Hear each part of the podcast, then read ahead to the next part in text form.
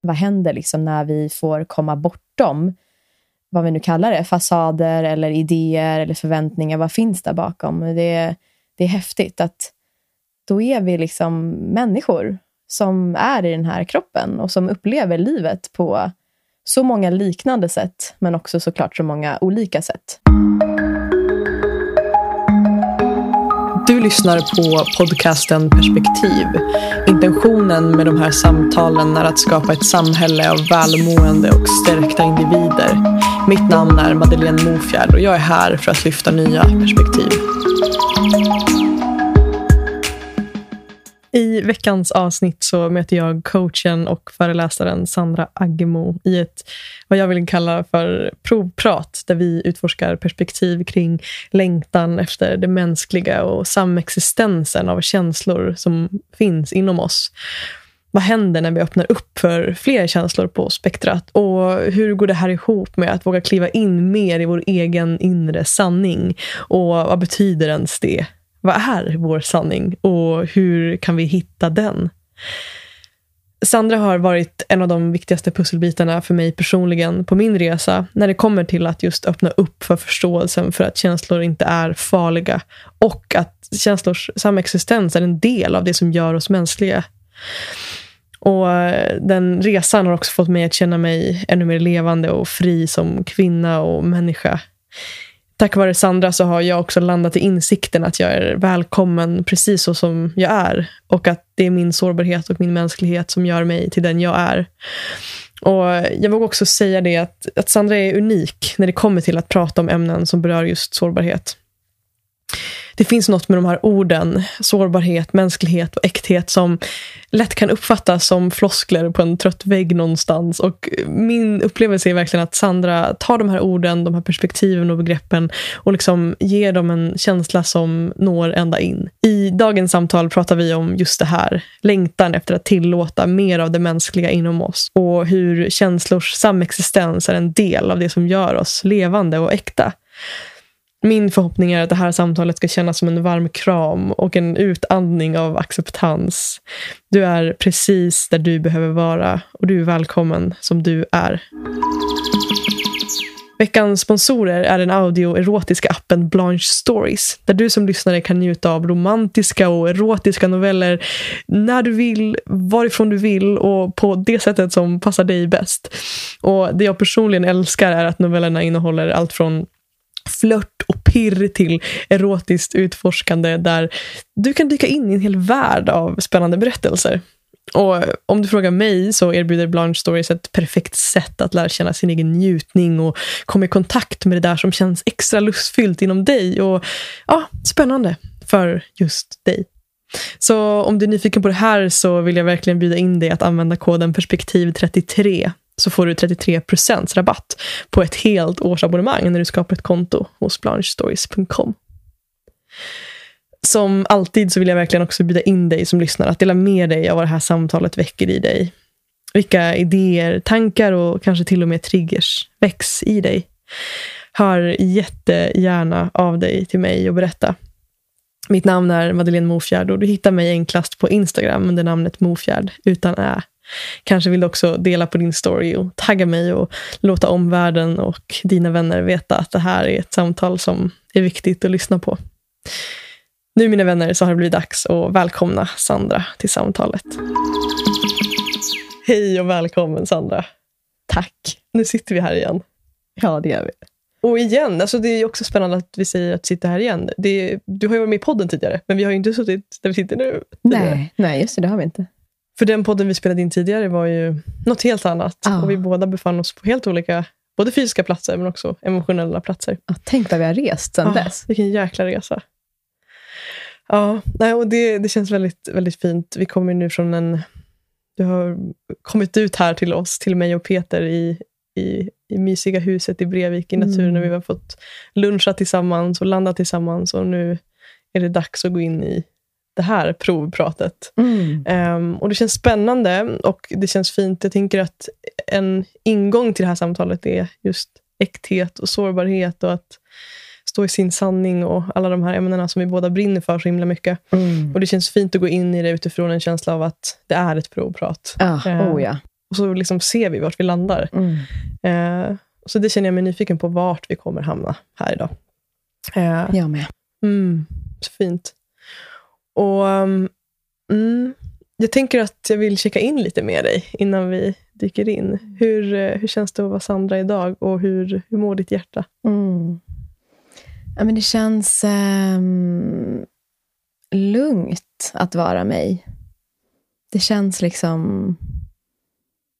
Ja, men jag vet inte, jag hittar inget annat ord än att det känns lugnt. Att det inte finns så mycket att eh, justera eller vara rädd för. För jag märkte det också eh, nu under förmiddagen då som småbarnsförälder så har ju det har varit en lång dag redan, även fast klockan kanske nu bara är tre. Eller det känns som att jag har kanske levt två dagar på den här dagen. Så eh, det uppstår ju mycket känslor också i relation till barn och att det är ja, men det kan vara en del triggers eh, i relation till vem som helst. Men att jag har haft dem, de har fått kännas i mig. Okej, okay. mm, intressant. Det har inte varit så dramatiskt att vara i min kropp idag. Det har känts mycket, men det har inte varit så dramatiskt om du kan förstå vad jag menar. Mm, just det. Och ändå då så är jag i min vinter då jag ska ha mens eh, inom ett par dagar. Liksom. Så det känns också lite häftigt att så här, okej, okay, det kan vara en lugn vinter. Ja. Jag kan vänta min mens och det kan vara lugnt just nu. Så att ja, lugn är det som kommer upp för mig. Och eh, mitt hjärta, det är ändå liksom bubbligt kring hjärtat. Det är lugnt att vara mig, samtidigt finns det enormt mycket kolsyra i mitt hjärta. Ja. Och eh, känns bara så bubbligt att vara med dig. Alltså dina ögon. jag vet inte vad det är, men de, de väcker mig. Oh, wow. eh, och jag sån ära här innan att få landa i dina ögon. Vi hade ju ögonkontakt mm. i ett par minuter. Ska vi dela? Ja, vi delar. Berätta, Madde, vad hände? Ja, men det här var ju väldigt kul. Och först och främst tack, vilken fin spegling där om mina ögon. Det, det värmde mig verkligen att höra. Så mm, jag ser det. Mm, tack.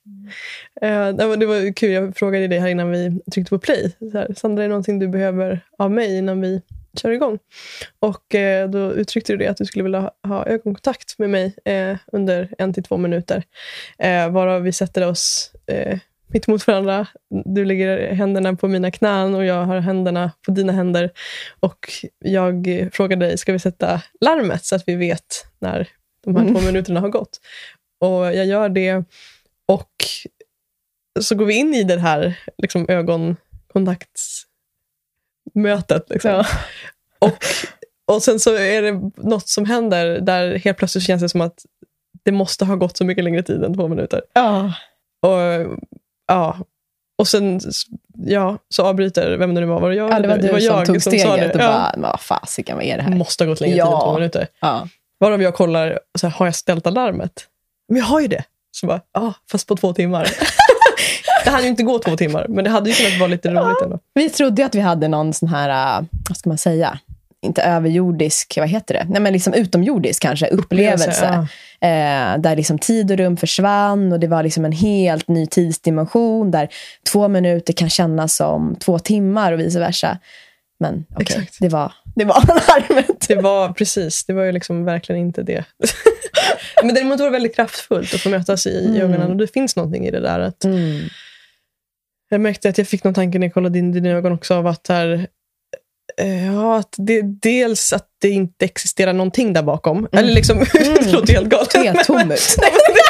Nej, men att, så här, någonstans är det, så här, det vi ser i en människas ögon är, eh, är det mest profound, djupa och kraftfulla. Mm. Och också det som är det blir helt fel att säga att det är tomt. Men alltså, att jag liksom, fattar vad du menar. Alltså, någonstans, det jag vill komma till kanske är så här, mm. när vi kommer bortom våra stories om varandra. Ja, typ exakt. när jag ser in i dina ögon så ser jag inte Sandra med alla berättelser jag har skapat om vem du är, utan jag ser bara det som finns i dina ögon. Mm. Vilket bara är sanningen.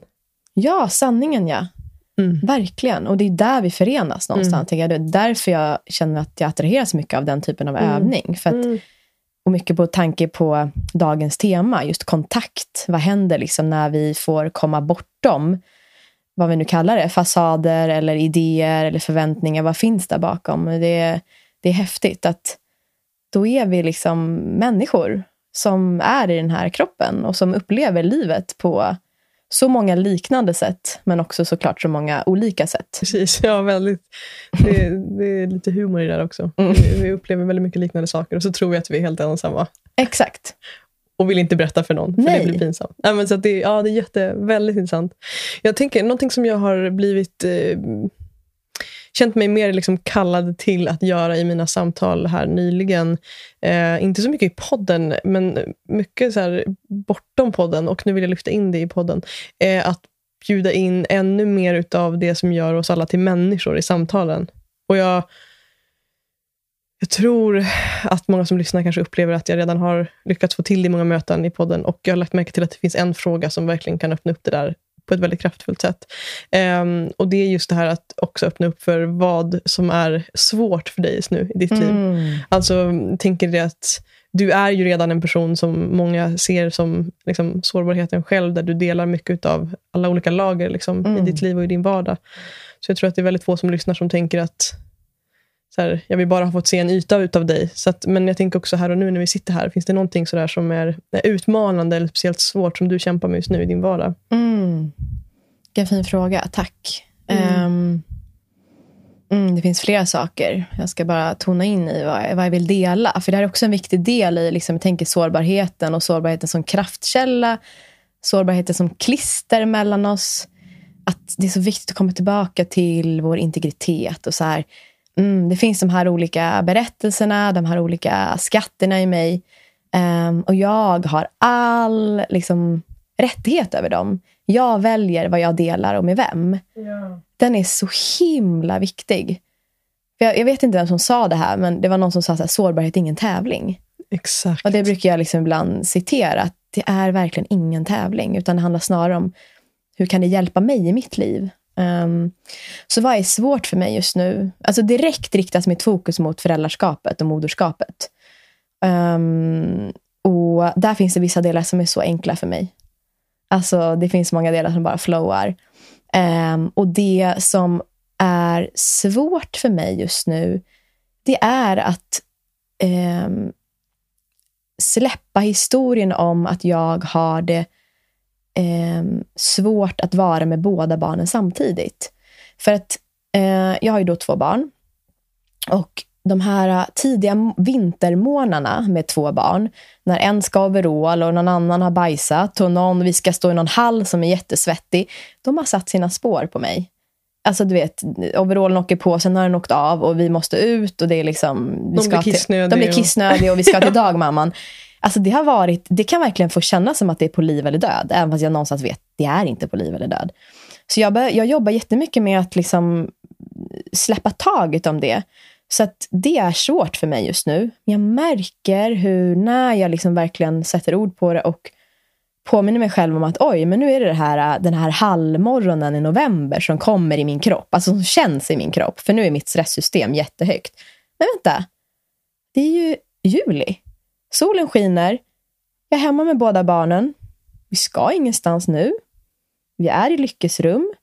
Hon vill dansa den här låten. Luna sitter där hon sitter. Jag sitter där jag sitter. Okej, okay. allt är lugnt. Kan vi dansa? Kan vi dansa? Mm.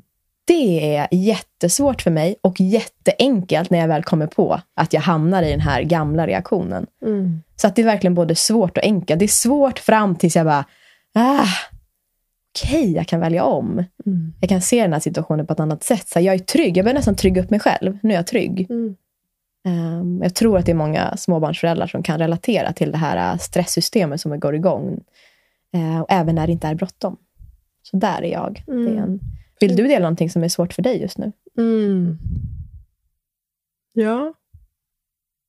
Det som kommer upp som är eh, intressant, för att det blir direkt liksom en jätteparadox i mig, Eh, att det som har blivit min kanske absolut största utvecklingsresa de senaste, och det vill jag också spegla till dig från vårt förra möte, eh, där du har varit en enorm resa, eller hjälp på min resa, eh, i förståelsen för att saker och ting kan samexistera mm. i mig. och liksom tillåtandet av känslor. Alltså jag har mycket med hjälp av, av, av dina perspektiv kommit i djupare kontakt med mina känslor och tillåtit mig själv att känna gråt. Jag vet att jag mm. befann mig i en fas för liksom ett och ett halvt år sedan, där jag i första eh, egentligen, gången i mitt liv kanske kom i kontakt med riktig liksom, urgråt. Eh, så.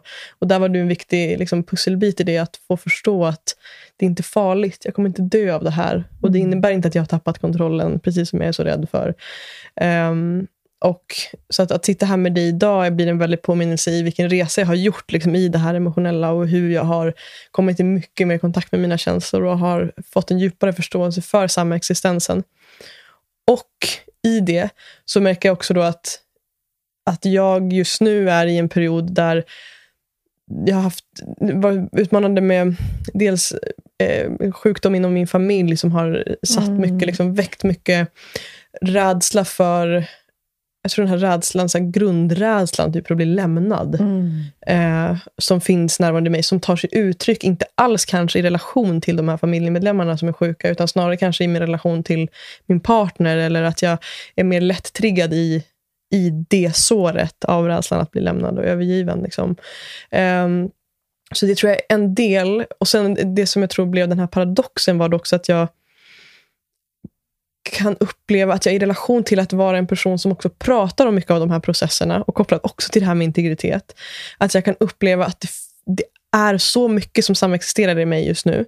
Att jag ibland, och det här vet jag att du har pratat med um, Amanda också i Holy Crap-podden, att, det att när vi delar någonting eh, som är sårbart till exempel, att här i stunden, typ i morse, mm. eh, innan du kom mm. hit, så låg jag på sängen och grät och sa till min partner när han höll om mig att jag känner mig vilsen. Mm. Och det känns inte närvarande nu. Men det kändes närvarande då. Och att det kan jag uppleva är utmanande att stå i... Så här, jag tror att det svåra i det dels är att stå i det inför mig själv, men också inför andra. Att när jag delar en känsla, att också vara okej okay med att den här känslan inte måste finnas kvar där för flera timmar framöver. Liksom. Utan att jag kände mig vilsen där och då. Och det behöver inte vara sant idag. Och att det finns något sånt liksom klängande vid att vi behöver vara fast i de här storiesarna. Vad händer om jag nu här i samtalet med dig berättar att jag känner rädsla för att bli övergiven? Och vad händer om jag då efter det här samtalet går ut och känner kärlek och mm. eufori?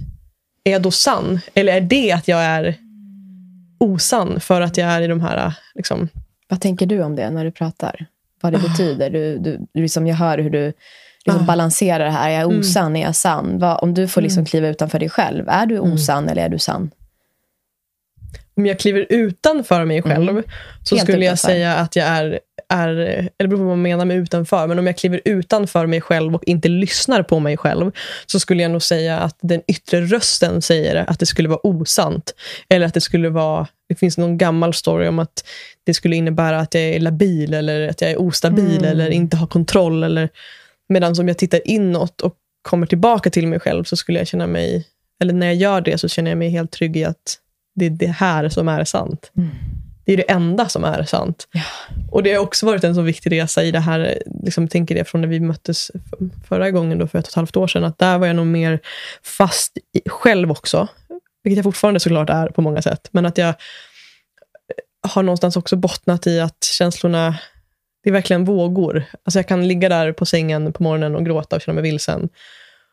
Och sen så känner jag det och sen efter en halvtimme så är, finns inte det längre. Och att det inte gör känslan mindre sann. Mm. Um, ja, så det kommer till mig.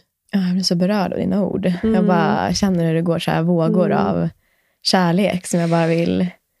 Först fick jag upp en bild att jag bara ville sitta och stryka ditt hår ja. när du låg där i sängen. Mm. Och sen kände jag bara att jag ville så här, äh, typ bara hedra, ära din styrka som, som kvinna, som mm. förebild, som poddare. Som, ähm, du är en sån inspiration. Mm. Tack. Ähm, och för mig blir det så tydligt att så här, det där är utgångspunkten för mig i när jag jobbar med mig själv och när jag, jobb, när jag möter människor. Att möta sig själv där vi är. Mm. För ingen förändring, ingenting kan flowa eller leva vidare om vi inte börjar med att möta oss själva där vi är. Och som du och jag pratat om, jag vet lite kanske om det var på DM eller någonting där vi kanske laborerar lite i tanken. Rätta mig om jag fel, men jag för mig att vi har tangerat det här lite grann. Att när är vi klara med en känsla? Alltså när, när är vi klara med de här tårarna? Eller när, är vi liksom, när blir det destruktivt? Alltså är det när vi har legat i sängen och gråtit i tre timmar, en dag, två dagar? Är det att vara sann? Eller är det att liksom fastna? Och, hmm, det är jättespännande och viktiga frågor. Men i min värld, när jag hör dig prata, så är det egentligen bara att alla känslor är sanna. För mig är det sant. Tankar däremot, mm, not so true alla gånger, som vi vet. Men känslor, alltså känslan som satt i din kropp, den var ju sann. För det var om det var en emotion eller om det var en sensation, eller det behöver vi inte gå in på här, men det var ju sant. Precis. Det var din upplevelse.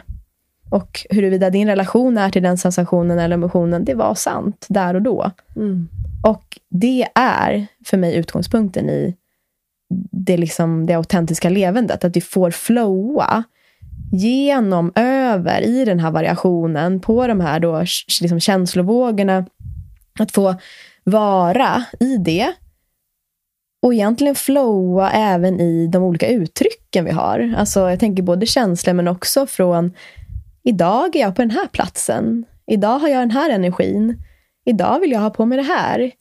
Idag sitter jag i Peters, Peters tjocktröja utan trosor. Nej, men det, är så här, det, behöver, det behöver inte vara målet. Ja, det låter jätte, okay, det kanske är, vi kommer in på det sen. Det var lite en cliffhanger. vi tar det sen. Det blir liksom rubriken för det här avsnittet. Om det var typ DN så skulle det vara det. Sandra sitter troslös i Peters hoodie i vår hemmastudio. oh, så underbart. Verkligen. Och det är klart att målet behöver inte vara att sitta troslös. Men jag tänker bara någonstans att så här, jag vet inte, Eh, vad vill jag komma? Att få um, vara i det som känns lätt just nu. Och med det sagt behöver inte känslor alltid kännas lätt. De kan kännas jättetunga. liksom, tunga. Men jag tänker att någonstans att vi vill i alla fall jobba mot att vi öppnar upp acceptansen mot hela vår känslopalett, eller vad vi nu vill kalla den. Um, och att, ah, hur mycket plats kan jag göra för det här? Hur liksom hur djupt kan jag möta mig själv här? Och samtidigt veta att okej, okay, jag har också styrkan att ställa mig upp härifrån igen. Och det tror jag man, det, det självförtroendet bygger man när man faktiskt någon gång vågar, med en trygg hand eller om det är med en partner eller om det är med en psykolog, att våga möta sina känslor om och om igen och se som du sa, att de dödar oss inte. De kan kännas väldigt omvälvande och ibland liksom panikartande och liksom nästan hot mot vår överlevnad. Men de dödar oss inte. Och med all respekt, det kan verkligen kännas läskigt, så man kan behöva hjälp där. Olika regleringstekniker kanske, eller människor som kan trygga upp för att möta. Och även där tänker jag möta oss själva i de olika delpersonligheterna vi har. Vad är det man säger? Att vi är tusen jag. Eh, att det är också någonting, tänker jag, i det här uttrycket. att mm, nu, nu ska vi akta oss för att säga att vi i det tillfället var en vilsen person. Alltså om du nu beskrev, du upplevde ju snarare vilsenhet. Precis, men att ja. det är ju en del i dig, som en tanke eller någonting som liksom väcktes och så kom det en känsla i kroppen av kanske oro eller rädsla eller sorg. Okej. Okay. Och sen kan vi liksom, som ett EKG, bara få variera vidare i det. Och det tänker jag är den största friheten. För en parallell liksom till det här du pratar om med vilsenheten och gråten i sängen. Skulle man spola tillbaka i mitt liv för typ, eh, vad blir det, tio år sedan kanske. Då hade jag ställt in, alltså om jag hade varit i dina skor eller dina byxor eller vad man säger, eller dina trosor. Nej, nu blir det temat. Nej, men, eh, då hade jag ställt in det här poddmötet om mm. jag hade mm. varit du. För då hade jag helt förkovrat mig i den där vilsenheten. Sagt att jag var en vilsen person, värdelös person som känner det där. Och att jag inte är kapabel till att gå in i ett jobbmöte. Och då hade jag sagt, då hade jag skrivit då och bara sagt så här, vet du vad? Cancel. Exakt. Styrkan är ju att du känner den där känslan. Samtidigt medveten om att det kommer en variation. Mm. Det kommer regn, det kommer solsken. Okej, okay. Det låter så klyschigt, men det är för mig den största friheten. Ja. Nej, men alltså Verkligen. Och, det, och jag håller med dig. Det, jag hade också gjort det för en, ett tag sedan. Liksom. Eh, och att någonstans har det också hjälpt mig väldigt mycket med tillit till... Alltså så här, Självklart, det finns ju stunder då vi kanske behöver ställa in. Självklart. Och det är det som är det högsta vi kan göra. Ja. Och för mig har det verkligen hjälpt mig att bottna i tilliten kring att det jag känner och där, precis där jag är nu i det här är ju där jag ska vara. Mm. Um, och att någonstans så tror jag att den vilsenheten jag kände där och då har ju ändå så här, i ett nytt uttryck följt med mig i det här samtalet med dig och gör att det som jag uttrycker nu till dig, både energimässigt och verbalt, så här, det hade inte kommit om inte den känslan var där i morse. Därför att det här har fötts utifrån det.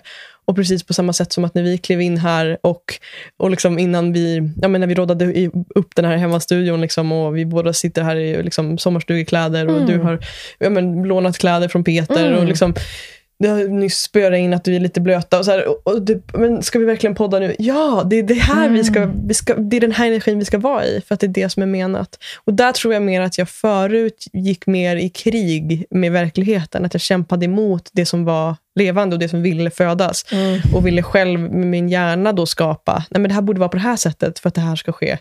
Så som jag har tänkt i mitt huvud att det ska vara. Krig med verkligheten. Precis, ja. Alltså. Mm. Ja, nej, det vill vi inte ha. Nej. Nej, men det var så vackert uttryckt. Ah. Alltså, det var, som ett, det var så väldigt målande för mig. Mm. Krig med verkligheten. Fint.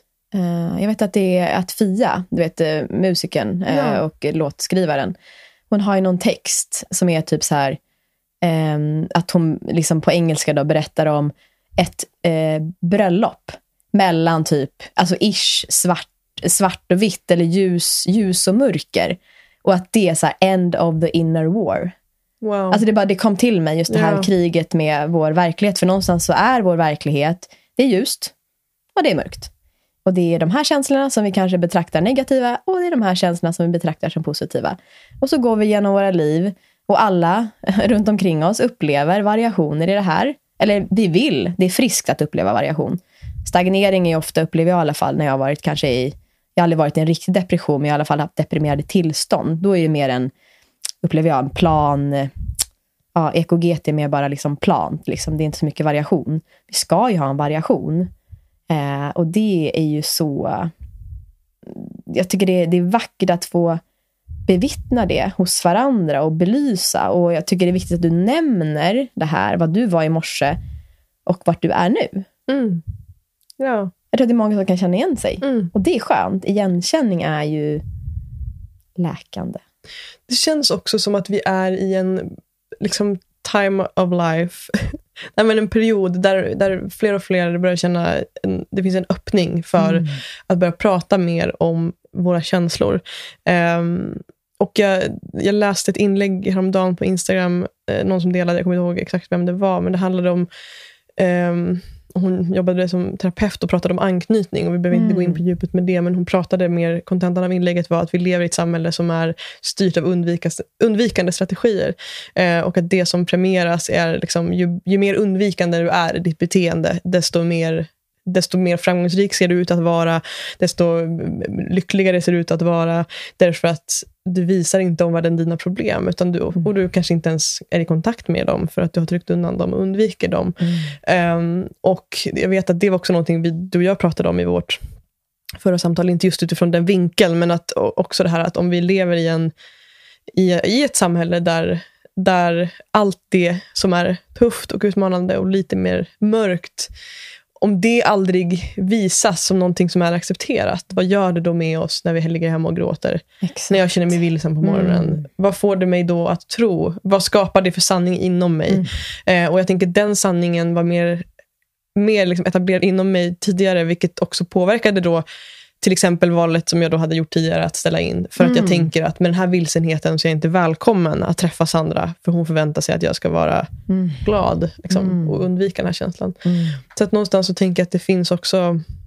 Det, och, och jag börjar se att det finns eh, en öppning för att människor längtar ah. efter att få känna sig mänskliga. Det det här vi och som du var inne på tidigare, vi upplever ju alla väldigt liknande upplevelser. Men det är inte förrän vi börjar mötas och kommer i kontakt, som du var inne på tidigare också, Exakt. som vi börjar kan förstå det. Verkligen. Um, och Det tar mig också då in på någonting som jag vill, vill spela upp här, som jag vet att du har delat också på din Instagram här nyligen, från ett poddavsnitt med Brené Brown och Oprah, Oprah Winfrey. Mm. Um, på det här temat av att det är först när vi börjar dela och öppna upp och visa vår sårbarhet till andra människor och till oss själva som vi kan förstå att vi är liksom precis som alla andra. Exakt. och helt egna. Ja, alltså, samtidigt ja. ja. ja. Jag tänker att jag spelar upp det här för oss och för lyssnarna. I live in the space of vulnerability. And that is what has made me so successful is my vulnerability with the audience. For sure. And I think that vulnerability is sort of the cornerstone of confidence. I think it's the cornerstone because I believe that. I, because unless you can uh, allow yourself to take the risk, to be open, to live as a wholehearted person. When you can do that, you recognize that you're really just like everybody else. And that gives you the confidence to be yourself, which is all you really need in life, is to be That's more it. of yourself. Ah. Vad växer dig så här direkt efter när jag lyssnar på det? Ja, nej men det, det, det, självklart är det ordet som kommer till mig. Självklart ja. Mm. Så självklart. Också, så här, fy fan vad vi aldrig blivit lärda det här. Ah. Alltså att det här är så, det är så självklart i mitt väsen, i min kropp, i min Mm. essens. Och det är så jävla icke självklart i den världen jag har blivit uppvuxen i. Så det blir också någon typ av konflikt i det där. Liksom. Ah. Vad växer i dig? Ja, men jag får ju såna otroliga, så här, eh, eh, vad, vad kallar jag det? Ehm, jag vill typ, du vet, med plakatkänd. Alltså jag vill så ut och inte demonst- eh, demonstrera, typ ah, upp på barrikaderna och typ bara, bara vråla att det här är så sant. Lite den. Det typ går så här rysningar i hela kroppen. Så, Ah. och det är typ som att, för mig blir det väldigt mycket att jag, just nu, i den här stunden, att jag det blir en, energi, en rörelse i kroppen. Att jag liksom vill vara med på den här resan. Och jag typ också jag vill leva nu. Mm. Jag vill så leva nu. Och jag bara känner att det känns så fint att få sitta med dig i det här. Att få leva nu och vara medveten om de här kollektiva skuggorna, mönstren som vi har. Och att få vara med och göra skillnad. Oh, vilken jävla Jag lyx. får sån jävla... Ah! Jag känner verkligen en rörelse. Ah, wow. Så vackert. Så, Ja, så vackert. Det, och, ehm, och jag vill bara säga till dig, du står liksom och gör skillnad i det här. Alltså du är en av ledarna som ska göra skillnad i det här. Mm. Det är så fett. Detsamma. Right back at you. Ja, men det, och göra det tillsammans liksom, ännu mer. att så här, Återigen så kommer vi tillbaka till vi grundar oss. Sårbarhet är ingen tävling. Det betyder inte att vi behöver berätta allt. För jag tänker också att för er som kanske inte är bekanta med liksom sårbarhet eller äkthet eller mänsklighet som liksom begrepp, så återigen så hamnar vi i att det är ingen tävling i att berätta allt för alla. Vi behöver alltid komma tillbaka till vad vill jag dela med vem och att vi äger det. Jag tycker det är jätteviktig, alltså jätteviktig aspekt i det när vi har kommit en bit på vägen. Och i alla fall en sak som kommer till mig nu, det kommer nu så här, att det börjar med oss själva. Att vi vågar möta oss själva. Det är där vi någonstans börjar eh, den här resan. Ehm, så att det inte bara blir att vi tror att vi direkt måste ut och liksom berätta för andra. Att det är också viktigt att komma hem eh, och i trygga miljöer få utforska det här. Vad är det som känns? Vem är jag? Vad vill jag vara? Vad vill jag skapa? Vilka värderingar har jag? Vad säger mitt hjärtas röst? Att det är liksom en, en resa som är väldigt kopplad till trygghet för mig. Att eh, Vissa gillar ju att slänga sig ut, men jag tror också att vi behöver en trygg hamn. Om det är en relation eller om det är som sagt en, en psykologrelation eller om det är... Så liksom att våga börja det här utforskandet i sig själv är Ja. liksom ruta ett. Ja, verkligen. Det där känns som en så viktig poäng också. Jag tänker att det Mm. är lätt annars att vi hamnar i det här, att vi, och det tycker jag mig också se en del. Nu vi båda är liksom närvarande på sociala medier och bidrar med våra budskap där och är närvarande där. Och, och jag tycker mig se då att det kan bli det, det är också lätt då att det tippar över. Liksom, till, och där tänker jag att jag själv hela tiden får väga för och emot. Liksom, vad vill jag dela? Och som du pratar om Mm. integritet. Liksom. Mm. Ehm, och någonting jag tänker där också, att det handlar så mycket om att checka in med sig själv. Varför vill jag dela det här? Alltså, vad är min intention med det här? Vad är det jag Mm. vill att det här ska skapa? Och du Mm. nämner trygghet. Jag tänker att om vi kommer från en plats av trygghet, om Ja. jag har min trygga hamn, i, antingen i mig själv eller i en partner, eller som Mm. du beskriver, vart vi nu skapar den här trygga hamnen, Mm. då kanske det också finns mer utrymme för att dela det här sårbara med Exakt. andra människor som vi kanske inte direkt känner, utan delar på sociala medier till exempel. Då. Men att vi tänker att om vi kommer från en plats där vi kanske inte har den här tryggheten i oss Mm. själva eller inte har den här trygga hamnen där vi hämtar hem och att då direkt kasta sig ut och dela det sårbara, det kanske inte är det rätta. Nej. För då är vi också väldigt sköra. Vad skulle Ja. hända om vi får någon kommentar från någon som sticker på det där? Liksom? Är vi beredda att ta Mm. Det? Liksom? Så jag tänker att det handlar mycket om just det där som du nämnde med trygghet. Att, Mm. att vi behöver veta, tror jag, vart vi har vår hamn eh, Mm, innan vi kastar oss ut. Liksom. Och Det där är faktiskt en fråga jag får. Att så här, hur vet jag vad jag ska dela och inte dela? Framförallt när jag jobbar med, ja, med kvinnor, då framförallt, men också en del män i eh, deras business och kopplat till att skapa relationer. För det är också en viktig del. Liksom att sårbarhet verkligen är att skapa klister och skapa igenkänning och så. Men så här, oh, ska jag dela det här eller ska jag inte dela det här? Och där är verkligen, tycker jag, en jättefin incheckning att göra.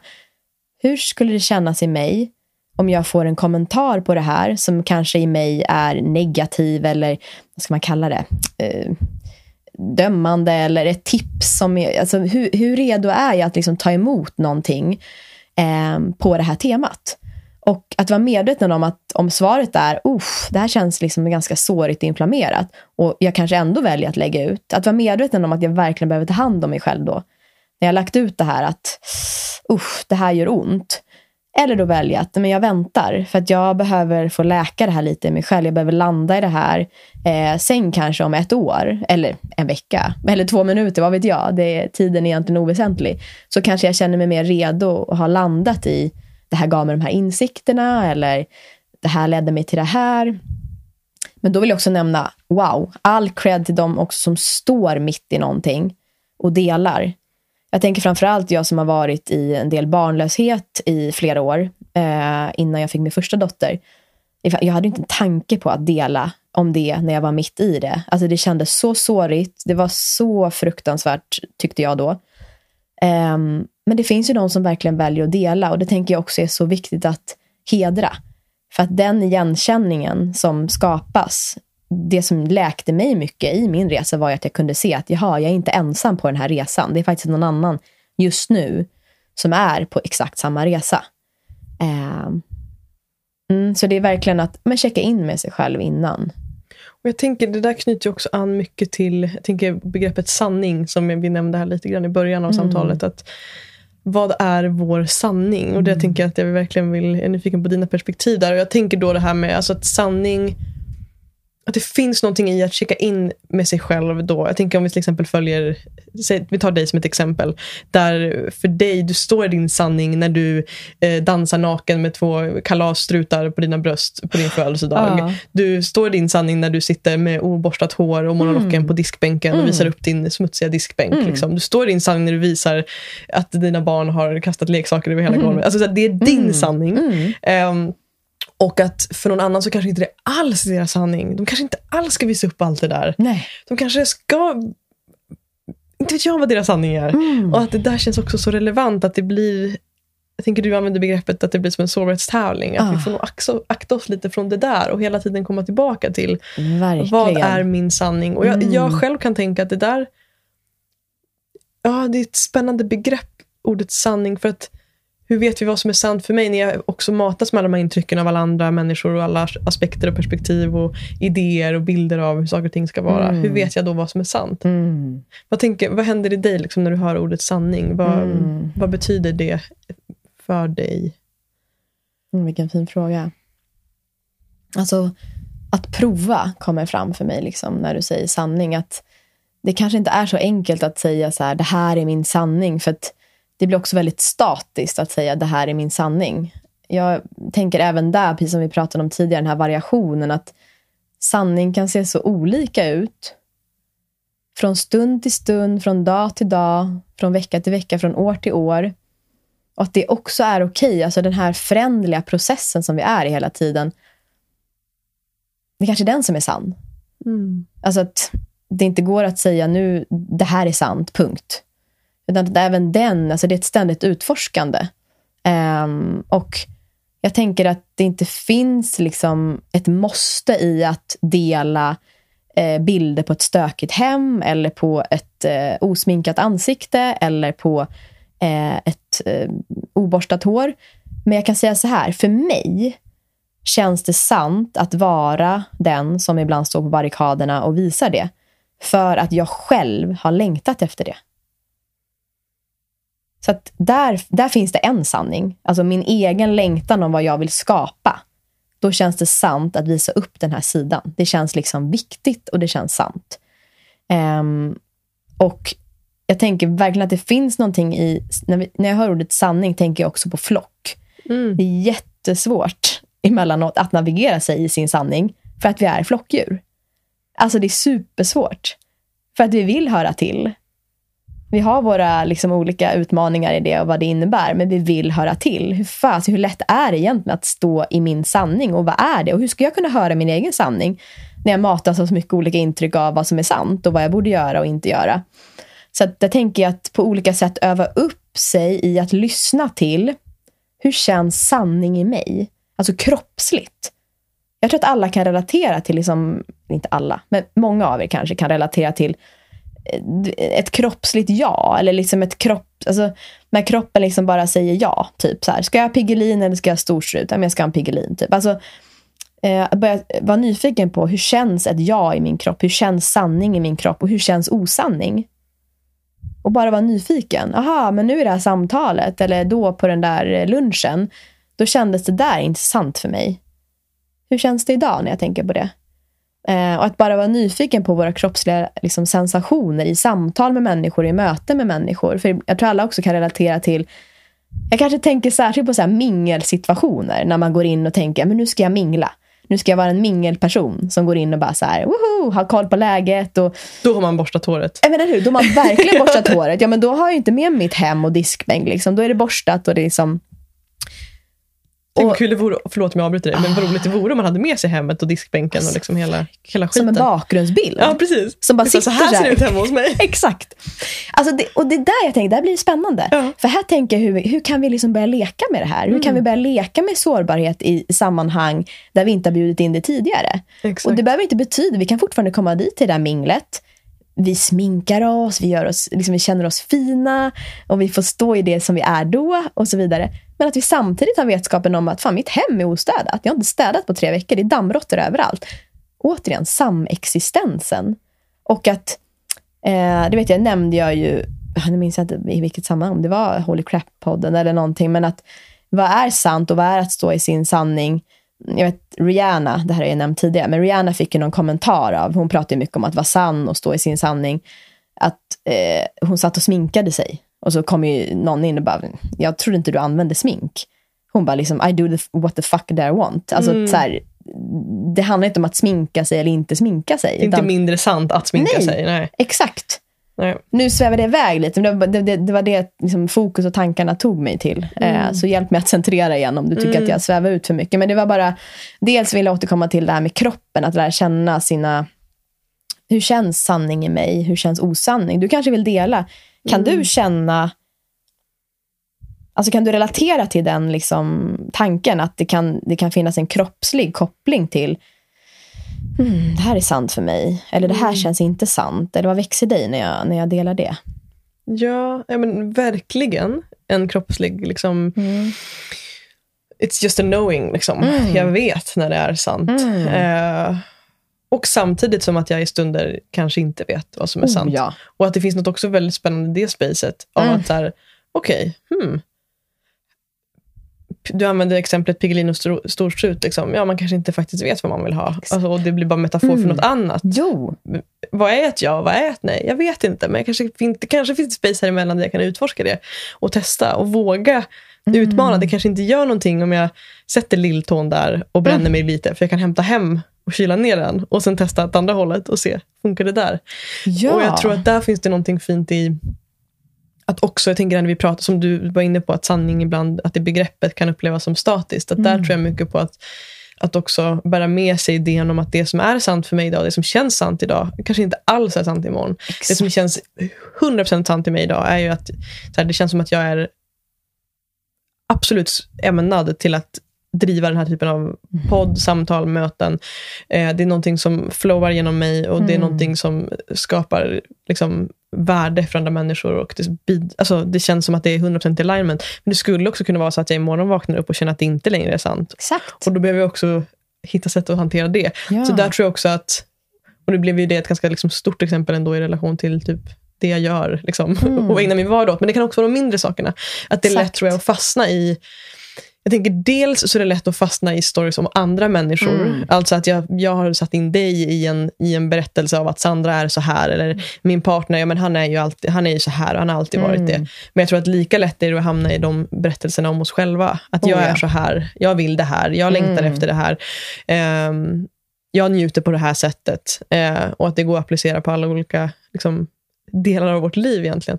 Eh, och att där tror jag det är viktigt att checka in med sig själv och ställa sig själv frågan verkligen. Ja. Vad känns sant i den här stunden, i det här Exakt. kontextet, med den här Ja. människan? Jag är van att, att mötas så här, men nu skulle jag, men shit, nu är det Sandra framför mig. Mm. Då vill jag att det här ska hända. Ja. Att det finns någonting i den där nyfikenheten, i det spacet också. Av att inte veta kanske. Alltså det var precis det jag tänkte komma till. Då kanske det som är sant faktiskt är att du inte vet, men Exakt. att du är öppen för att utforska det. Ah. Och Det tänker jag för mig är autenticitet. Ett på nyttfödande och våga välkomna på nyttfödandet varje morgon, alltså varje stund. Och det är det här det många upplever att det blir komplext. För jag tror vi har en gammal bild av att så här, ja, men nu ska jag typ träffa en coach eller en terapeut eller någonting och så ska jag hitta mig själv. Och så upptäcker man, aha, men vänta nu är jag helt plötsligt ännu mer vilsen på ett sätt. När jag börjar Inget är längre sant. Inget är längre sant. Eller det men som ändå, har varit sant är inte sant. Ja. Och här gäller liksom att på något sätt rasera så mycket idéer och förväntningar så mycket man bara kan nästan ibland. För att verkligen frigöra för det, det som faktiskt är sant här och nu. Det som kom till mig nu var så här närvaro och hur tajt kopplat det är till alltså sanning. Ja. Vad är sant just nu? I den här stunden, hur mycket av det tidigare eller framtiden vågar jag släppa? Mm. För att just nu känns det sant för mig att dansa på bordet. Mm. Det kanske inte är egentligen en bild av vad någon har om mig, men jag tänker göra det nu. Och nej, idag så är det sant för mig att vara observatören. Att sitta tillbaka lutad. Jag brukar vara den som står och skämtar. Men idag så sitter jag här och bara, okej. Hmm. Att det är så nästan så här daglig practice i att så här rasera sig själv, om det nu finns ett själv, och att våga omfamna någonting nytt och att vara nyfiken på det. Samtidigt som det kan vara jätte... Det här kan ju kännas då kanske för vissa bara, oj vad ogrundat och vad splittrat och så här. Jag tänker att det finns... För mig känns det sant att liksom Mm. att våga... När vi vågar släppa taget om dem vi är, då hittar vi dem vi är på något sätt. Då kan vi skapa dem vi är. Det här Eh, blanka pappret. Ja, men liksom. lite så. Och det är det jag tänker är, alltså, något som kom till mig när du pratade eh, var också att jag tänker det du är inne på också handlar mycket om det här, de här rollerna vi går in i. Mm. Liksom. Säg att vi, men igen, ett mingel eller ett midsommarfirande Mm. eller vad det nu än må vara. Där vi hamnar i kontext där vi har haft en roll tidigare, som du beskriver. Ja, men det kanske har varit den här skojaren som har hållit låda och jo, har gjort att alla andra människor har mått bra Mm. på den här festen och haft roligt. Ehm, och att då komma till ett sånt kontext och kliva in i en ny roll eh, med en, ett nytt mående kanske, eller vi Exakt. kanske till och med uttrycker då, nej det är inte, det är inte så bra idag. Liksom. Mm. Eh, jag tänker att det, det krävs också ett sånt ans- alltså det krävs att också kunna sortera i vart går gränsen mellan dig och mig här. Därför att jag tror att det väcker också jättemycket i de personerna som du möter på det här minglet eller på det här midsommarfirandet. För att de är vana vid att ha kontrollen över sin egen bild av vem du är, hur de uppfattar dig. Så True, vet true, liksom, true. Jag tänker de här barometerna som vi väger in i personer. Så här, ja, men jag vet vart du bor, jag vet vad du jobbar med, jag vet vad din man heter, jag vet vad dina barn heter, hur gamla de är. Ehm, och jag vet att du är glad och du håller låda på fester. Så här, då har jag ju min bild här, de här fem punkterna klara. Ja. Och när de raseras så vet vi inte längre och så blir det jätteobekvämt. Såklart. Och det tänker jag hänger ihop med oss själva också, det här när vi Mm. tappar att jag tänker för, för dig och mig, vi sitter här nu och pratar om att, så här, menar, att det skulle vara något härligt att ha det här vita bladet och Mm. att det, det finns en nyfikenhet i det. Och jag tänker för många så tror jag att det också kan väcka en enorm rädsla. Oh, för att det ja. blir den här totala förlusten av, av det vi har blivit lärda är sant. Att vi ska ha de här sanningarna om oss som sätter oss i den här boxen av att Verkligen. det här är jag. Men det är skitläskigt. Ah. Alltså det är verkligen det. All cred till alla som vågar göra resan och liksom vågar vara det blanka pappret ibland. Eller bara säga jag vet inte. Eh, för det är så att vi alla förenas i det. Ibland vet vi inte. Eller väldigt ofta vet vi inte. Eh, och bara där har vi någon slags gemenskap plattform. Alltså, eller gemensam plattform. Att på något sätt landa i att det är okej. Det är okej att tycka att det är läskigt att vara det vita, alltså blanka pappret och det är okej att inte veta. Och, men det betyder ju egentligen inte att vi inte är. Alltså, och vad är att vara någonting? Jag vet inte. Det är spännande att riva upp det och jätteläskigt. För det är ju så vi är vana att leva. Vi har vårt CV, vi har vår, men som vi pratade om tidigare på lunchen, vi har vår röda tråd om vem vi är, vilka vägar vi ska gå. Vad händer om en person hela tiden bara stannar upp och säger en person som kanske alltid har tid på sitt jobb och sen träffar den här personen på en middag och hon eller han bara, alltså jag avskyr mitt jobb. Jag vill inte vara här längre. Okej, eh, vad händer nu? Och att det är jätteläskigt att stå i det och ibland är det också läskigt att möta en annan person, för den här personen vet inte. Det jag tänker är så här, att inte veta och bemöta en person när den personen inte vet. Jag, jag får lite så här, jag kan tycka själv att det fort, jag tycker att det är lite läskigt ibland. Uh. Så här, vad ska du göra typ, med den här relationen? Jag vet inte. Nej. Och så bara, punkt. Mm. Man vill ju dit och lösa, man vill Mm. hitta, mm, okej men hur gör vi? Att bara vila i, jag vet inte. Precis. För det är också en sanning, att jag vet inte just nu. Mm. Mm. Ah. Okej. Det, jag tänker att det som Oprah och Brene, eller Oprah framförallt är inne på det här med, hon säger det cornerstone eh, liksom av självförtroende. Vad säger man? Eh, Cornerstone? Alltså, Mm. Byggsten, eller? Ja, det kan man väl Kanske, kalla det. ja eh, av självförtroende liksom, för henne. För henne i hennes resa har varit liksom att ändå våga försätta sig i sårbara situationer, att våga dela med sig av vissa delar av henne som kanske liksom på ett, sätt är skambelagda. Att ha sårbara samtal eller modiga konversationer, det är ju hela hennes egentligen brand. Eller varumärke så. Um, och att det har gett henne så otroligt mycket självförtroende i att vara hela henne. För att jag också tagit henne i kontakt med att wow, andra människor har också alla de här utmaningarna. Liksom. Exakt. Mm. Vad Verkligen. tänker du om det? Alltså just om jag tänker på din resa kopplat Mm. till, om vi, om vi liksom stannar en stund i, Mm. i självförtroende eller confidence, tycker jag är nästan bättre ord. Men eh, vad tänker du om det? Ja, det som kommer till mig direkt när du ställer den frågan är att jag... Ja, jätteintressant. Därför att jag har aldrig reflekterat över hur det skulle gå hand i hand, liksom, sårbarhet och självförtroende. Och det jag lägger märke till att ju mer öppen jag blir med det jag går igenom eh, och ju mer jag äger de delarna av mig själv, desto mindre rädd är jag för att folk ska typ komma på mig. Jag levde nog länge under, och det kan jag fortfarande göra i vissa relationer, men där jag kanske inte vågar vara lika sårbar, eh, är att så här, den här rädslan för att typ Tänk om den här ballongen spricker och de får reda på sanningen. Eh, och att den har mycket för mig försvunnit i och med att jag har blivit mer öppen och sårbar i relation till men nu, nu tänker jag mycket på resan i liksom mitt jobb med podden och, och delandet på Instagram med de människor som, som delar space med mig där. Att det finns något vackert i att jag inte delar den här ytan bara. Det gör också mig mer bekväm och mer hemma att också show up där när jag kanske inte mår på topp. Att jag inte bara behöver visa det här ytliga. Så det gör att jag känner mig mindre rädd för att bli påkommen. Alltså du vet den här Wow. illusionen av att så här, tänk om de kommer på mig. Alltså wow. Mm. För det finns ju inget de kan komma... Eller det är klart att det finns saker, men, men liksom, i mitt medvetna så, så går jag inte runt och bär på saker som jag tänker så här, tänk om de kommer på mig. Eh, eller att det minimeras. Sen såklart finns det saker där jag kan bli på, påkommen, alltså delar av, av oss alla. själva, där det är liksom vi- saker som vi inte ser i oss själva. Så att självklart, men av de delarna där jag kanske själv bär på skam eller att lyfta det till ytan så, så finns det ju där. Liksom. Mm. Så det finns någonting i att äga det, verkligen. Eller hur? Mm. Verkligen. Ah, wow, jag, ah. Men har den här resan liksom, har den varit självklar för dig? Alltså har du sett typ, ehm, jo så här, har du sett en, ehm, vad säger man, breaking point? Alltså där du har typ så här, nej nu har jag fått nog av att eh, eh, hålla upp en fasad eller hålla upp en eh, rustning eller vad vi, vad vi nu än vill kalla det, liksom, något skydd eller eh, hålla om den här ballongen som kanske spricker. Kan du se liksom en breaking point? En händelse eller typ en dag eller en tanke eller någonting? Eller har det liksom successivt bara organiskt vuxit fram? Mm. Intressant fråga. Jag vet inte riktigt. På tal om att inte veta. Jättebra. Jag vet inte, punkt. Mm. Nej, men, och jag tror att det jag vet är väl att det jag vet är att jag inte vet Och det jag ändå vet i det här icke-vetandet är att jag, jag tror att det ändå har skett or organiskt på något sätt. Att det har blivit... Jag kan uppleva...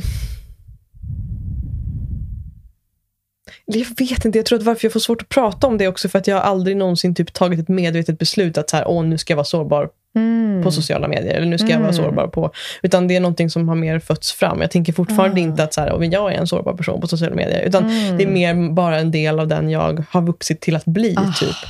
Eh, och vad det beror vad det, Alla de olika stegen som har tagit mig hit, det, ju, det består av massor av olika människor, möten, upplevelser, eh, kurser, insikter, perspektiv och så vidare. Mm. Eh, där där liksom det har lett, ledit mig, lett mig till den här punkten där jag befinner mig idag. Där, där jag känner mig mer i kontakt också med den här integriteten som du beskriver i form av vad, vad känns sant i mig att dela och vad känns inte sant.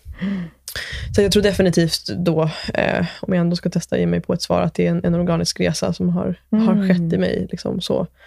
Ehm, Vilka människor inspirerar dig på den här resan? Alltså, så har inspirerat dig, det kan vara offentliga eller icke-offentliga. Um, alltså jag tänker om någon lyssnar kanske också som vill bjuda in det här mer. Eh, om det kan vara någon, om det är ditt privatliv så är det kanske svårt att bjuda in den personen. Eller vem vet. Men om det finns någon sådär som du vill Nej, men dela. alltså det som känns, det, alltså när det kommer till, till rent emotionellt så måste jag säga att det, du har varit en jätteviktig Mm. pusselbit där. Och det är så himla vackert för att det är också, det som vi pratade om innan när vi satt och åt lunch, att här, vi, du och jag har haft väldigt lite fysisk kontakt. Alltså Mm. Vi har träffats en gång tidigare eh, och ändå känns du som en väldigt närvarande person i mitt liv och i min resa. Mm. Eh, och mycket av det har ju varit... Det har liksom varit små saker som inte alls är små, men liksom fragment av saker som du har delat med mig, perspektiv, idéer, tankar som har verkligen gått in, som har liksom satt sig som någon typ av förkroppsligad Mm. här, wisdom i mig, som har kommit från dig till mig och som har helt skiftat min syn på känslor. Eh, Så där, utifrån den resan så har du varit en jätteviktig pusselbit. Parentes. Det är snarare så att jag aktiverade. Det fanns i dig, men jag aktiverade det. Mm. Du hade det. Mm. Ja, fortsätt. Ja, fint. Mm. You're not my guru. Exakt. ja. I'm Nej, not men, your precis, guru. nej, men absolut, att du har varit en Mm. kanal för det. Liksom. Eh, sen tror jag att en annan person som har varit väldigt viktig för mig i det här är en man som heter Kyle Cease, som har varit jätteviktig Mm. i min resa. Okej. Ehm, som är en amerikansk eh, före detta eh, ska vi säga, comedian, alltså stand-up-artist. Liksom. Oh, är Ja, spännande. på tal om det här med att ha olika roller Mm. så pratar han mycket om det. Att så här, han, han levde på, sin, på sina skämt. Liksom, Ja. Och insåg att Plus det gör jag, en. Ja, nej, och det gör jag bara för att få mina föräldrars kärlek. Liksom. Och vad skulle hända om jag gick emot det och gjorde något helt annat? Och så har han börjat jobba med liksom, transformation av människors inre istället. Här Eh, måste jag följa ja, direkt. jag tror Eller jag att- antar att det finns ett jag tror att du konto. skulle resonera med Mm. honom. Ja, ja. Nej, Han, dels, framförallt så delar han liksom videos på YouTube när han typ sitter hemma i, sin, Mm. i sitt sovrum och gör, bara pratar, kanaliserar Mm. saker som går rakt in. Liksom. Okej, Så han, har också tips. varit, ja, så att han har varit jätte, en jätteviktig del eh, Mm. på resan. Eh, också när det kommer till just det emotionella och att, att stanna upp och sitta med känslorna, tillåta det i kroppen och känna Sit det. Alltså förkroppsliga det. Ja, Ja. verkligen. verkligen. Och jag tror att så här, kärnan i det där är, och blir också då det här att komma tillbaka till att det är okej att vara människa. Att jag behöver inte vara den här superhjälten, jag behöver inte vara den här supermänniskan. Vi alla har det vi delar med. Liksom. Ehm, mm. Sen, sen det som har varit mest transformerande för mig de senaste två åren har ju varit absolut min relation till, till Peter sen vi möttes. Mm. Att jag har fått uppleva vad det innebär att, att liksom, jag vet här som man brukar prata om att vi kan läka relationer. Det har liksom bara varit en mental bild för mig tidigare. Jag har inte haft någon liksom, förkroppsligad upplevelse av det. Och att det har jag verkligen fått uppleva, vilket är Alltså, jag har aldrig gått igenom en sån transformation tidigare i mig själv och i mitt inre. Eh, och det har mycket skett i relation till honom. Och där är också så tydligt att ingenting är ju liksom tack vare honom. Däremot har vi speglat saker i varandra som har gjort att vi båda har vuxit jättemycket. Så det har varit eh, det viktigaste. Och det, så här, det viktigaste är ju inte he- heller helt sant, för att det hade aldrig kunnat hända utan alla de här pusselbitarna som hade hänt innan det. Ehm, så det, det, är liksom, det är så många pusselbitar som bildar Ah, tack här för att du pusslet. delar. Wow, Ja. grattis. Mm, tack. något jag är nyfiken på också, för att knyta an det till det som jag delade här i början av samtalet utifrån eh, den här utmaningen i att ha så här, den här samexistensen av att ena dagen vilja stå på, på barrikaderna och driva den här, mm. den här kärleksrevolutionen eh, liksom, eh, och, och stå i det. och och sen andra dagen, eller dagen, faserna kan gå snabbare än så, eh, nästa timme, minut, vill jag ligga och bara bli hållen och typ känna sig som en liten bebis igen. Mm. Eh, att jag är nyfiken på hur du, för jag gissar att du också upplever liknande typer av skiften. Liksom. Mm. Hur, hur hanterar du det i ditt, i ditt liv när det här dyker upp i dig? Ah. Och då menar jag verkligen bara i relation till ditt inre, inte så mycket kanske då till så här, delandet av det, mm. utan mer i relation till dig ja, men jag kommer tillbaka så mycket till... Eh, återigen, Fia är en väldigt stor... Alltså hennes texter är jätteviktiga för mig i nästan ett mantrande av hur, eh, mm, hur jag vill förhålla mig till mig själv och till livet i sig själv. Och eh, där, där, där liksom hon, hon har också en låttext som är lite så här eh, att livet handlar om en balans mellan give och receive.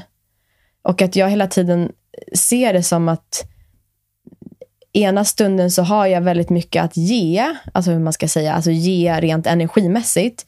Och andra stunder så behöver jag liksom bara komma hem och ta emot, alltså ta emot att bli hållen. Och att jag ena stunden kan vara den som håller och andra stunden så behöver jag bli hållen. Och det här har inte varit helt självklart för mig tidigare. För jag har tänkt, jag har haft en idé om, återigen, Sandra betyder hjältinna. så jag har nog säkert också många gånger liksom varit den här, jag ska vara stark. Jag vet att det var min mamma som sa till mig en gång, eh, hon bara, du är så otroligt stark. Och samtidigt har jag sett dig så skör. Mm. Och första gången hon sa det så kände jag bara, det här är ju jätte, jag, är, jag är jättekonstig. Mm. Alltså, hur kan jag vara stark och skör? Och sen kom ju begreppet bli ganska etablerat genom vad heter de nu då? Maggan och vad nu heter som har skrivit boken Drunkna inte dina känslor. Jag vet inte om det är bekant. Mm. Där pratar de om starksköringar. Så att det här var ju tidigt. Det här var nästan, men typ kanske i skedet där de började skriva den boken, eh, så sa mamma det här till mig. Och jag bara, jag är jättekonstig. Hur kan jag ena stunden stå här och bara typ vilja så här, vara programledare, stå på scen, eh, showa och andra stunden så vill jag bara bli hållen och gråta. Och nu har jag landat i allt är som det ska. Mm. Alltså jag är allt det där. Jag har allt det där i mig. Och det kan man ju bara se, titta bara på ett barn. Alltså jag tittar mycket på min dotter. Alltså ena stunden så står hon där och dansar till någon låt, hon är utklädd och bara kolla nu, nu kommer jag här, ska jag göra det här. Och sen typ en timme senare så gråter hon och jag frågar, behöver du en kram? Ja, och så ligger hon i min famn och gråter. Jag tänker att det där är liksom vår vår liksom essens, kärna, ish. Men att vi som vuxna glömmer bort det. Och att vi också ska lära oss att bli vuxna. Och jag tänker att det finns en poäng i så här impulskontroll, känsloreglering. För det ska vi ju lära oss som små. Men att det går liksom till sin överdrift. Där vi nästan börjar reglera bort vår mänsklighet. Mm, dämpar där, allt istället. Vi dämpar allt. Eh, och jag tänker att många barn, även fast det kan vara superutmanande som förälder eller närstående eller vad det nu är, att de är så mycket i sina känslor, så tänker jag att vi nästan går för mycket åt andra hållet. Alltså, vi går från att vara helt i våra känslor och bara så här, liksom, an, eller utbrotten bara liksom avlösa varandra till att bara, ja, men det, som du pratade om, hålla den här ballongen runt oss. Som vi känner, den håller fan på att spricka, men jag ska hålla den lite till och jag ska vara glad och jag ska inte bli hållen för jag är chef på jobbet. Exakt. Um, jag tycker det är spännande att börja spräcka hål på den bubblan. Och vad händer liksom om... För det här är också spännande typ när vi pratar om att vara ledare och att visa sårbarhet. För här finns det ju väldigt mycket spännande frågeställningar. Kan jag vara en stark ledare som visar vägen samtidigt som jag visar glimtar av min mänsklighet? Mitt svar är ja. Frågan är hur gör jag det? Och det är inte alltid så lätt. Där kan man behöva en coach eller en, ja, men någon form av bollplank i att där, om jag vill få med mina medarbetare exempelvis, eller mina Ja, men kan vara man i en förening eller någonting där man faktiskt skapar den här äkta kontakten. Hur kan jag göra det på ett, liksom, ja, men du vet, ett, ledargestaltat sätt? Men blanda in, jag är human mess. Mm. Men jag är också en stark ledare. Ni kan lita på mig. Det var i morse var jag ledsen. Nu står jag här och vi kommer klara det här tillsammans. Alltså den balansen, det tror jag verkligen är så här... Mm, det får jag rysningar av. Och, och Det är det jag liksom kommer tillbaka till. Att även vilken en offentlig person vi tittar på eller vilken ledare vi än har sett upp till så är hen består av de här sakerna. Och Jag gillar återigen begreppet jag är en annan du. Att komma tillbaka till det. Jag är en annan du. Jag är en annan du. Det är liksom typ mitt mantra och det gör också att det är lättare för mig att kunna var varva det här. Att vara den som ja, men, ligger och gråter till att vara den som eh, ja, men, står på barrikaderna. Eh, och jag säger inte att det är enkelt. Men jag tror att det kan vara fint att ta med sig det mindsetet att jag tänker också att kanske våga omge sig av inspiration som pekar på det här. Att vi faktiskt kan spegla vår egna mänsklighet i andra människor. Att vi faktiskt behöver bli lite medvetna om vilka umgås vi med, vilka har vi i vårt flöde. Eh, hur är jag i mina relationer och så vidare. Och att vi tillsammans liksom kan skapa en, en trygghet och ett confidence i att faktiskt vi förenas väldigt mycket. Mm. Mm. Så det, det är typ jätteviktigt i de här stunderna för mig. Att jag faktiskt kommer tillbaka till att jag inte är ensam. Ehm, men det är också sådär svårt att, att bara ha en idé om jag är inte ensam. Den, den är lite svår, för då är det bara en teori. Jag tror att vi måste uppleva sann igenkänning för att på riktigt eh, kunna landa eller förkroppsliga den sanningen. Och det, det tänker jag, det bygger mycket på att vi börjar våga dela i våra nära relationer. Och som du gjorde med mig nu, att vi att man vågar prova sig på så här, vad händer om jag bjuder in den här människan på det här djupet? Mm, Okej. Okay. Och så lite till och så lite till. Och vad händer nu? Och så. Mm. Mm. Så att det är inte alltid lätt för mig. Um, men det är den enda vägen. Mm. Liksom. Um, och att faktiskt, jag tänker nu när jag har fått barn, att också bjuda in mina barn i att, vet du vad, nu, nu gråter mamma ledsna tårar. Eh, eller nu gråter mamma glada tårar. Att faktiskt bjuda in och beskriva vad som händer i mig. Eh, och att visa på att det skiftar. Eh, nu blir mamma glad. Nu blir mamma berörd. Eh, nu blir mamma lite orolig. Eller nu händer det här. Eh, och Det är också ett sätt, det är jättesvårt att säga vad som är rätt och fel. Det går inte heller. Och det är en helt annan podd. Dit ska vi inte ens gå. Men jag menar bara på att våga bjuda in och måla upp vad är det som händer i mig just nu. Det gör återigen att vi får mer självförtroende. Till och med under en liksom, eh, våta filt eller vad man kallar det. Exakt. Ja. Det var så spännande. Jag började tänka på det nu när du berättade här också. Att jag fick en sån spegling här förra veckan, förra fredagen, av Peter. Vi satt, vi berättade här för dig också tidigare, att vi har varje fredag en rutin där vi har en, bu en burk, en mm. tacksamhetsburk, där vi under veckan delar liksom lappar, vi skriver saker vi är tacksamma för mm. hos varandra. Och sen varje fredag så läser vi upp de här lapparna för varandra och pratar om de här sakerna. Och då var en sån sak som han skrev, jag kommer inte ihåg vilket, vilka ord han använde, men han, det var någonting om att, att, han är så tax, att han skrev att han var tacksam för typ alltså, tacksam för att, att jag, det är så lite drama runt mig. Mm. Typ. Och att det är så enkelt att vara runt mig. Och så var det som att när jag läste det så bara, hur kan han säga så? så här, bara, Jaha, och så frågade han bara, men hur, kan, hur, tycker du, hur, hur, kan du, hur upplever du, vad menar du med det här och hur upplever du att det inte är drama runt mig? Mm. När du väldigt ofta får hålla mig i olika typer av känslostormar. Och då insåg jag, för då gick det upp för mig, att så här, jag har en koppling i mitt huvud. Jag har en vald sanning om att mina känslor innebär drama. Mm. Varav han då svarar på den frågan och säger det, men för mig handlar inte drama om att du uttrycker dina känslor. Det handlar om vad du gör med dina känslor Exakt. och att du tar ansvar för dina känslor. Sen att, han, att, så han det, sen att jag får hålla dig i det och fysiskt vara där för dig, det handlar inte om att mm. så här, dramat kommer när du lägger det på mig. Exakt. Och det tänker jag samma som med dina barn, när du berättar för mm. dina barn. Nu känner mamma det här. Ja. Men det handlar, du lägger inte det på dina barn, Nej. för de ska inte ta ansvar ansvar över det. Alltså, det är den och det är där det här dramatiska kommer in. Det var så spännande bara för jag fick syn på det där. Så här, ah, jag har någon bild av att jag typ är jobbig att leva med eller att jag är dramatisk. Och så här. Men det är ju bara en internaliserad så här, ah. norm eller idé jag har burit med mig från olika platser. Liksom. Ja, där landade jag känner jag. Ah. Och det var hit vi skulle. Ah. Gud vad fint. Det här, liksom, det jag pratade om tidigare, jag bara känner nu, nu landar vi. Tack. Mm, mm. Ja. Och det, vad gör jag? Exakt hur uttrycker jag mig i de där stunderna? Är jag noga med att berätta vad jag behöver? Uh, jag tänker att många gånger så är det lätt att agera i affekt. Det har jag gjort jättemånga gånger. Kanske bli sur istället eller Men arg är ju vanligt liksom för att skydda, skydda oss. Liksom. Och att vi med tiden lär oss att berätta. Vet du vad, jag behöver, att, jag behöver det här. Eller nu känner jag så här och jag, jag behöver det här. Där är ju den stora skillnaden. Och det tänker jag liksom landar i oss när vi vågar möta oss själva där vi är. Um, mm. Mm, vad fint. Tack mm. för att du... Det kändes som en... Fin, fin avrundning. Ja, jätte, ja. ja. tack. Jätte, jättefint. Jag tänker för de lyssnarna som vill gå djupare i de här ämnena och få mer inspiration på de här temana. Mm. Har du några så källor att skicka dem vidare till? Jag, tänker, det kan vara, jag brukar oftast fråga om böcker, men du kanske mm. har poddar eller personer eller så kanaler dit du vill lotsa dem ja. vidare? Mm. Och jag har, um, vad tänker jag på just nu? Jag tänker på um, vad är levande just nu på den frågan? Alltså jag tänker mycket ehm, på uh, böcker böcker, böcker, böcker, böcker. Eh, Permission to feel. Eh, den är ganska på ett sätt inrutad, ganska maskulint skriven. Samtidigt tycker jag det verkligen finns en revolutionär poäng i bara titeln. Permission to feel. eh, verkligen. Ehm, och även, eh, vad heter den? Live, Living like you mean it, eh, tror jag den heter. En också bok.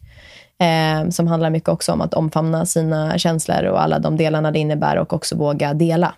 Eh, och Sen är det ju så här, alltså allt som Brene Brown har gjort. Eh, jag tänker också mycket på Glennon Doyle. Ehm, också väldigt fin spokesperson i det här. Eh, jag tänker faktiskt, alltså något som kommer för mig nu, tuggmotstånd. Eh, du och jag, de, jag delade ju eller var nu? Vice versa. Vi delade, delade ett inlägg. Och, jag, och så hade vi en konversation ja. om det. Tror jag. Mm. Där tänker jag mycket i alltså, hennes vision om liksom, de bilderna hon delar. Hon är ju fotograf. Eh, och delar mycket kring eh, att vi ser olika ut, att vi är olika. Och um, Det tänker jag är en jätte, så här, jag tänker så här, vattenspridare på um, på Instagram. Ja. Eh, att det verkligen får delas alla typer av bilder. Ja. Så det är också ett tips att faktiskt kanske gå in på konton. Det behöver inte nödvändigtvis inte vara liksom personlig utveckling per definition. Utan snarare kanske kontexter där, det, där man främjar olika delar av att vara människa. Exakt, ja. Det tänker jag också är. Mm. Och det kan vara konst. Um, ja, det, det var det som kom upp för mm. mig nu. Mm. Jättefint. Tack för att du delar. Mm. Och för de som lyssnar som vill komma i kontakt med dig, var hittar de dig bäst? Jag är mest aktiv just nu på Instagram. och Där heter jag Sandra Agemo. Um, och man kan även mejla mig, eh, agemocoaching.gmail.com. Och jag har även en hemsida, sandraagemo.se. Ja. Och eh, håll ögonen öppna. Det kommer mycket nytt spännande i, i höst. Både som är kopplat till autenticitet, alltså gruppcoaching på det temat. Och även faktiskt eh, en kurs som jag kommer släppa tillsammans med en annan kvinna som är just kopplad till känslor. Så uh, håll utkik. Ah, mm. Fantastiskt. Mm. Ah, tusen, tusen tack Sandra. Mm. Så fint. Tack Så för fint dig. att dela den här timmen. Ja, underbart. Ja, tack. Tack. Hej då. Hej då. Om du uppskattade det här samtalet och känner att du vill dyka in ännu mer i världen av Sandra Aggemo, så vill jag också verkligen bjuda in dig till att lyssna på avsnitt 60 av den här podden där Sandra gästade mig för första gången i maj 2021. Där pratade vi om känslor, behov, lust och mod. Eh, och också mycket kring dagens tema utifrån en liten annan tappning. Eh, med fokus just på det här med sårbarhet och äkthet och så vidare. Så lyssna gärna på avsnitt 60 om du vill fortsätta dyka in i de här samtalsämnena som vi pratade om idag. Jag vill också igen påminna om veckans sponsorer, Blanche Stories, som är Skandinaviens första audioerotiska app, där du som lyssnare kan njuta av romantiska och erotiska noveller när du vill, var du vill och på det sättet som passar dig bäst. Det är ett perfekt sätt att lära känna din egen njutning och komma i kontakt med det där som känns extra spännande och lustfyllt för just dig. Och Det jag älskar mest är att novellerna innehåller allt från flört pirr till erotiskt utforskande där du kan dyka in i en hel värld av spännande berättelser. Så jag vill verkligen bjuda in dig som lyssnar att använda koden perspektiv33 när du skapar ett konto hos blanchestories.com så får du 33% rabatt på ett helt års abonnemang. Tack till dig som har varit med oss i det här samtalet. Jag ser fram emot att få möta dig som lyssnar och ta del av hur det här samtalet landar i dig. vilka tankar, insikter och kanske till och med triggers väcks i dig. Det skulle betyda allt om du delade med dig till mig på sociala medier. Skriv till mig eller posta på din story och tagga mig så låter vi det här samtalet leva vidare. Du hittar mig på Instagram under namnet Mofjärd utan Ä och på Facebook vill jag också välkomna dig till den slutna gruppen Mofjärd Community där vi möts för att prata vidare och lära oss av varandra och, och varandras perspektiv. Du hittar länken i beskrivningen till det här samtalet. Tack igen för att du är här.